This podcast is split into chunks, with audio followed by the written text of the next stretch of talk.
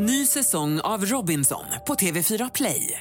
Hetta, storm, hunger. Det har hela tiden varit en kamp. Nu är det blod och tårar. Fan händer just nu. Det. är Detta är inte okej. Robinson 2024, nu fucking kör vi! Streama söndag på TV4 Play. Du lyssnar på poddversionen av Senaste nytt som sänds i Expressen TV. Ja, men god morgon och välkomna till senaste nytt torsdag här i Expressen TV. Mm. Eh, Jag heter Johanna Gräns och eh, Jag heter Jenny Pierrot, glömde mitt namn där, men det har blivit dags för nyheter. Löfs nya anklagelser mot Löfven och löften. Trots samtalen med USA, Nordkorea fortsätter att utveckla sin vapenarsenal. Tårar och eh, hyllningar när familjen sa farväl till George W Bush den äldre. Idag förs för detta presidenten till sin sista vila. Ja, det är våra rubriker denna morgon, men vi tar och börjar i Linköping där eh, två män har anhållits nu misstänkta för eh, grov våldtäkt som ska ha skett i söndags. En av dem, en 54-årig man, har begärts häktad på sannolika skäl misstänkt för detta och häktningsförhandlingen ska alltså hållas idag vid Linköpings tingsrätt. Det skriver korren om och eh, åklagaren är i övrigt förtegen om det här ärendet. Men nu så ska det handla om politik. Mm, det ska det för, i förra, förra tisdagen ska jag säga, eh, sa Centerledaren Annie Lööf eh, till DN att hon inte själv tänker sitta i en S-ledd regering och inleda sådana förhandlingar. Nu sitter hon i sådana förhandlingar med Stefan Löfven. Och Expressen har granskat uttalanden som hon har gjort i intervjuer, sociala medier och debatter eh, de senaste åren. Och flera av hennes besked och påståenden eh, står i strid med de nya besked hon nu har gett. 9 oktober 2013. Via sin presschef Anna-Karin Nyman säger Annie Lööf till Expressen. Jag äter hellre upp min högra sko än att bli ett stödhjul till S. 12 december 2013. Annie Lööf kritiserar fokuset i den politiska debatten. 13 juni 2014. Annie Lööf twittrar om det faktum att både S och SD är kritiska till de nya reglerna som öppnar för att personer utanför EU ska kunna få jobb i Sverige. 4 december 2014. Annie Lööf intervjuas i Expressen och uttalar sig om Stefan Löfven som just tillträtt som statsminister. Och i Expressen TV sa hon så här.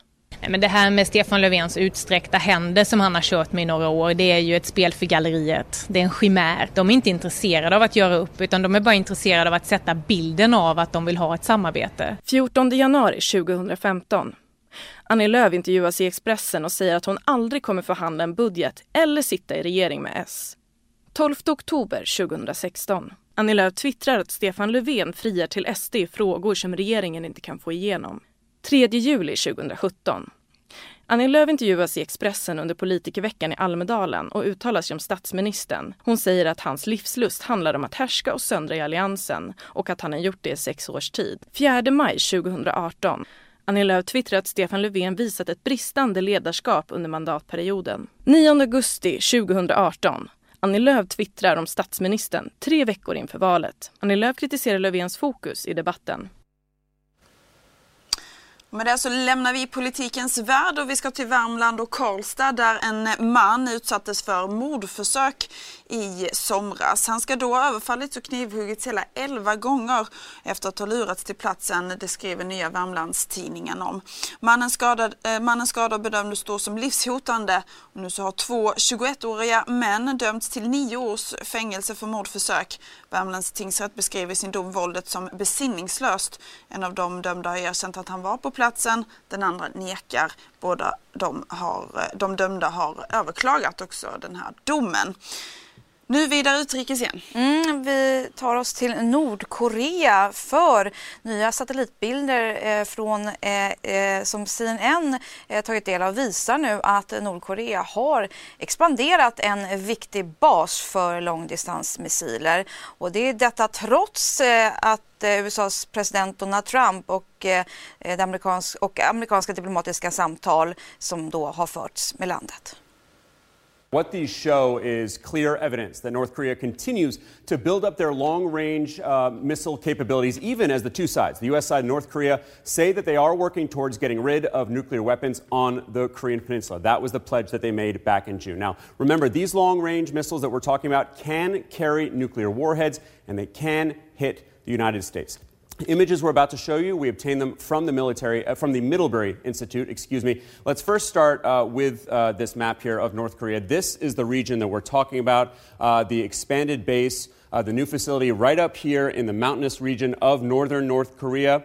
Right up against the border uh, with China. There's already a base there called the Yongzhou Dong Missile Base. That has already been well known to intelligence agencies and analysts. But then just seven miles from there is this new base, is this new expansion that we're talking about. And when you look at that closely, when you zoom in on that satellite imagery, you can see this uh, construction activity. And what you're looking at here uh, is the headquarters and barracks of this new base. You can see uh, the construction, the maintenance there. This was taken on November 12th, so just under uh, a month ago, relatively new images. Now, Brianna, in addition to that, you also have these new administration buildings. You've got a massive amount of tunneling activity that has been uh, carried out over the last few years. You also have what are called hardened bunkers uh, that have been camouflaged, also drive through shelters, which analysts say are large enough for those ballistic missiles, similar to the ones that we saw at the older base. Now, we should note that everything we're showing you here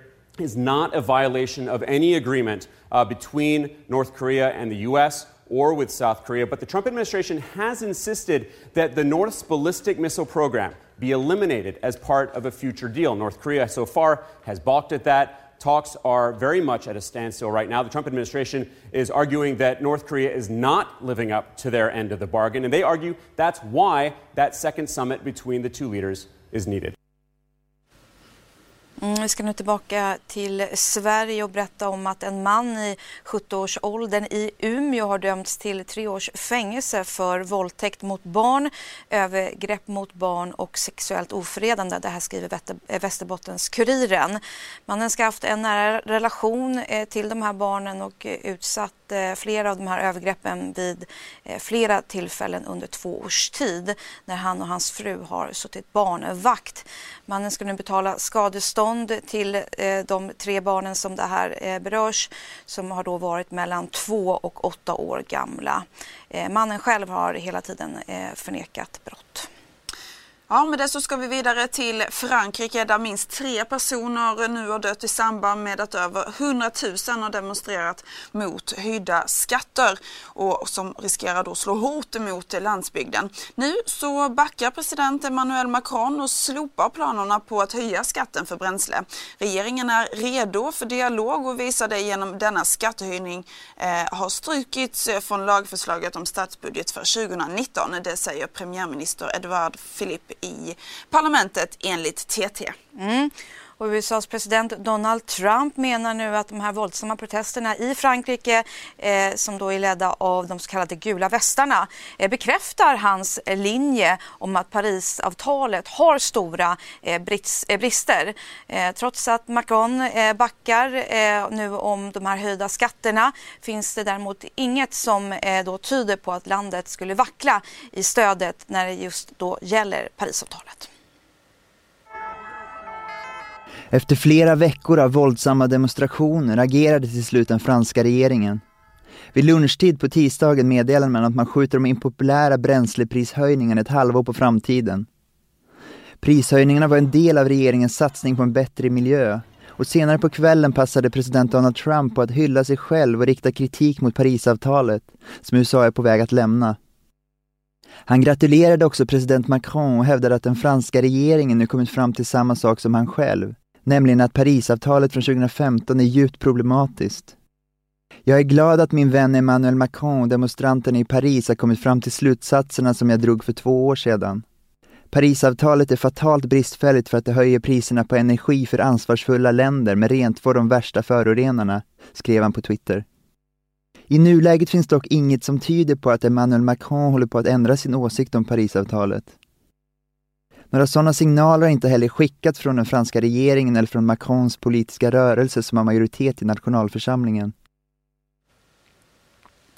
Ja, och med det så lämnar vi Frankrike för USA. För igår så hölls ju den eh, statsbegravning för den tidigare presidenten George W. Bush eh, den äldre.